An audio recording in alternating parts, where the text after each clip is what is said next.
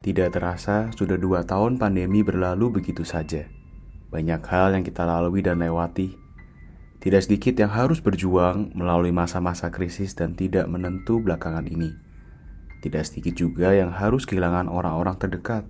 Banyak rencana yang sudah diatur malah gagal total. Namun, dua tahun berlalu, apakah kamu yang sekarang masih sama dengan kamu dua tahun yang lalu? Dua tahun pandemi mendatangkan perubahan apa di atas kamu? Selama bertahun-tahun ketika pembangunan kembali bait Allah diganggu terus oleh musuh, bangsa Israel mulai membangun rumah mereka sendiri dan perlahan melupakan pembangunan bait. Rumah mereka masing-masing dipapani dengan baik, tetapi rumah Tuhan tetap jadi reruntuhan. Hagai 1 ayat 5 mengatakan Allah berfirman, Perhatikanlah keadaanmu, Perhatikanlah keadaan kita. Kita menabur banyak tetapi membawa pulang hasil sedikit. Makan tapi tidak sampai kenyang. Mengharapkan banyak tetapi hasilnya sedikit.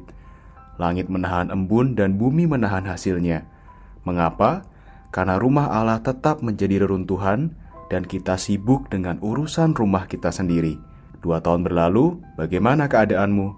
Apakah makin mengabaikan rumah Allah, meninggalkan Allah, sibuk dengan urusan rumah sendiri, atau justru melalui masa-masa krisis ini makin memperhatikan rumah Allah dan mengenal Allah?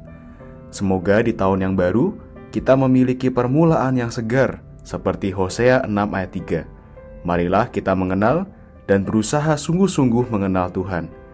Jangan biarkan dua tahun berlalu, tetapi kamu yang sekarang tidak berbeda dengan kamu yang dulu.